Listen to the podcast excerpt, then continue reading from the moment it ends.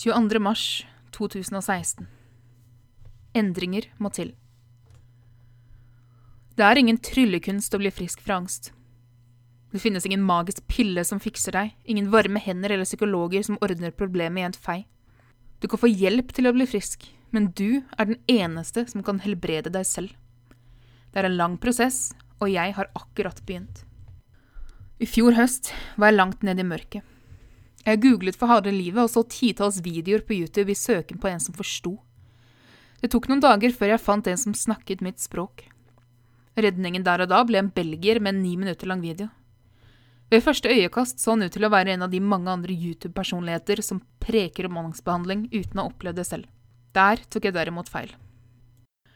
Hertz hadde selv hatt angst og blitt frisk. Alt han sa, kjente meg igjen i. Det var forbløffende hvor like våre livsløp hadde vært. Jeg bare måtte få tak i boken hans. Siden jeg hadde mistet midlene fra Nav, måtte jeg for første gang bruke mitt kredittkort. Bare det satt langt inne. Jeg hadde sett nok episoder av Luksusfellen til at jeg hadde opparbeidet en vegring for kreditt. Allikevel bestilte jeg boken med ekspresslevering. Denne boken føltes som et siste åndedrag i overflaten. Om ikke dette ga meg nok styrke, ville jeg med visshet drukne. Boken dukket opp fem dager senere, og jeg kastet ikke bort et sekund med å åpne den. Jeg leste først kapitlet som handlet om mat. Hertz hadde nevnt i en video at visse matvarer ga eller økte symptomene forbundet med sykdommen. Hovedsakelig handlet det om tre ting – koffein, alkohol og søtningsstoffer, spesielt aspartam. Jeg var kanskje heldig. Aldri har jeg noen gang drukket alkohol, og kaffe har jeg aldri likt, så det var problemfritt. Søtningsstoff, derimot. I det landskapet var jeg godt kjent. Faktisk inntok jeg det på daglig basis i form av sukkerfri brus, tyggis, pastiller og godteri tilsatt søtningsstoff. Jeg drakk brus jevnt og trutt. Ingen kalorier var lik ingen problem, tenkte jeg. Jeg bestemte meg allikevel for å slutte med det. Ville jeg drikke brus og leve med panikkanfall, eller leve uten og bli friskere? Nå er jeg ikke helt blåst, jeg var klar over at denne oppofrelsen bare var en liten del av det store bildet. 21.11.2014 drakk jeg mitt siste glass brus. Det var et glass Pepsi Max. Et par dager senere oppdaget jeg hvordan jeg hadde hatt en konstant hodepine tidligere. Jeg visste ikke at den hadde vært der engang, men nå var den borte. Det var ganske utrolig. Jeg kan ikke påstå at det var spesielt vanskelig å slutte med brus. Selvsagt kom abstinensene litt tilbake i helgen, men jeg var fast bestemt på ikke å røre en dråpe av det med det første. Jeg satte meg som første mål å ikke drikke brus frem til jul, og at jeg på julaften kunne unne meg en halvliter. Da julaften kom, derimot, hadde jeg ikke lyst på det lenger. Brus var ikke en del av min kost, og med den ukjente hodepinen friskt i minne, følte jeg at det ikke var nødvendig. Nå er det 17 uker og to dager siden mitt siste møte med søtningsstoffer. Jeg sluttet ikke bare med brus, men Lakkerol, Dent og alt godteri og kaker med tilsatt søtningsstoff. Jeg har en erstatning for brusen. Jeg drikker appelsinjuice og iste uten søtningsstoffer. På lørdagene unner jeg meg en alkoholfri eplemost. Den inneholder kullsyre, og det er kullsyren man først og fremst savner ved brus. Hver eneste kveld til boken var gjennomlest, leste jeg kapittel etter kapittel nøye. Jeg begynte å bevege meg ut, og med en svært støttende stefar fikk jeg skyss så langt jeg orket å reise. Til å begynne med var det nok å kjøre halvveis til byen og tilbake, ti minutter totalt. Ettersom jeg ble tryggere på meg selv ute i verden, pushet jeg grensene lenger og lenger. Uten at jeg merket det, ble jeg plutselig såpass trygg at jeg gledet meg til å reise ut. Jeg jobber fortsatt intenst med å bli frisk. Boken er min lille minibibel, og jeg har også oppdaget flere bøker. Angsttreningen er ingen lek, den er blodig alvor. Jeg må jobbe svært hardt daglig. Jeg har respekt for den tiden jeg følte meg overflødig, som en byrde. Jeg har ikke lyst til å havne der igjen. Jeg savner å være helt fri. Det å reise, handle på et kjøpesenter uten å passe på å være 100 meter unna bilen til enhver tid.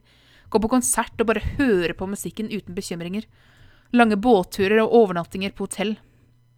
Ting de fleste kanskje tar for gitt, men jeg streber etter å oppnå. Før jeg ble syk, tok jeg det også for gitt. Jeg kan heller ikke med hånden på hjertet si at jeg aldri kommer til å ta det for gitt igjen. Med tiden glemmer man ofte vanskelige tider, i hvert fall den aller verste delen av det. Det er nok til menneskets beste. Den onde sirkel. Først får du et symptom. Alt starter med ett eller flere symptomer. Det kan være svimmelhet, kvalme, hodepine, en plutselig varme i ansiktet osv. Symptomene er svært ulike fra person til person. Tanke. Hvorfor? For eksempel, hvorfor er jeg så svimmel? Hvor kommer disse følelsene fra? Hvorfor skjer dette med meg? Og så videre. Angst. Du blir redd for symptomene. Selv om du har opplevd å få anfall tidligere, blir du aldri vant til symptomene som dukker opp uten videre. Du kjenner dem allikevel igjen, og for hver gang du opplever et anfall, går tankene fortere og fortere gjennom sirkelen. Fight, flight, eventuelt kamp, fluktresponsen. Kamp-fluktresponsen er en reaksjon på plutselig ytre truende eller skremmende hendelser. Den er gravert inn i mennesket for å beskytte oss mot farer. Møter du en vill tiger eller vitner en tragedie, vil du få den samme følelsen.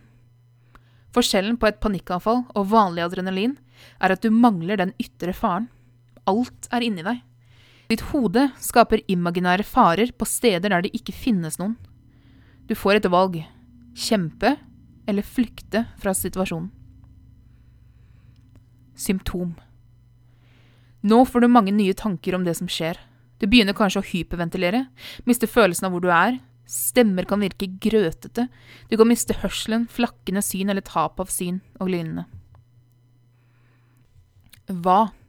Du begynner å få panikk over de økte symptomene. Du blir redd for å ikke komme deg vekk i tide, redd for å besvime, redd for å dø. Du blir overbevist om at noe er veldig galt. Angst. Du får enda høyere angst. Du er nå bokstavelig talt redd for livet ditt. Er dette slutten? Er det slik det ender? Du går inn i sirkelen og mister kontrollen på deg selv. I hvert fall føles det slik. Du har to valg. Være der du er nå, og stå i det, eller rømme til et trygge sted, for eksempel bilen eller huset. Jeg er godt kjent med den onde sirkelen. Jeg lever til dels i den. Jeg er svært ofte redd for å få et anfall. Hvem har vel lyst til å kjenne på følelsen at du kommer til å dø i hytt og pine? Når jeg begynte min trening, kom symptomene raskt og jeg klarte bare å holde unna angsten noen få hundre meter fra huset. Ettersom tiden gikk, klarte jeg lengre distanser, også med en trygghet om at anfallet ikke kom til å gripe om meg på hver eneste tur. Jeg begynte også å trene fysisk. Jeg hadde ikke energi til overs før jeg begynte på oppdraget å bli frisk. På mine fire første uker jogget jeg over 13 mil. Jeg har fortsatt treningen, og det hjelper veldig å være i fysisk form. Jeg får blant annet bedre kondisjon, som hjelper de gangene jeg får anfall. Når kroppen er vant til å få høy puls over lengre tid, venner den seg til å bruke mindre energi på samme øvelse. Det er en styrke. Med ønske om en helt ok dag, Tina.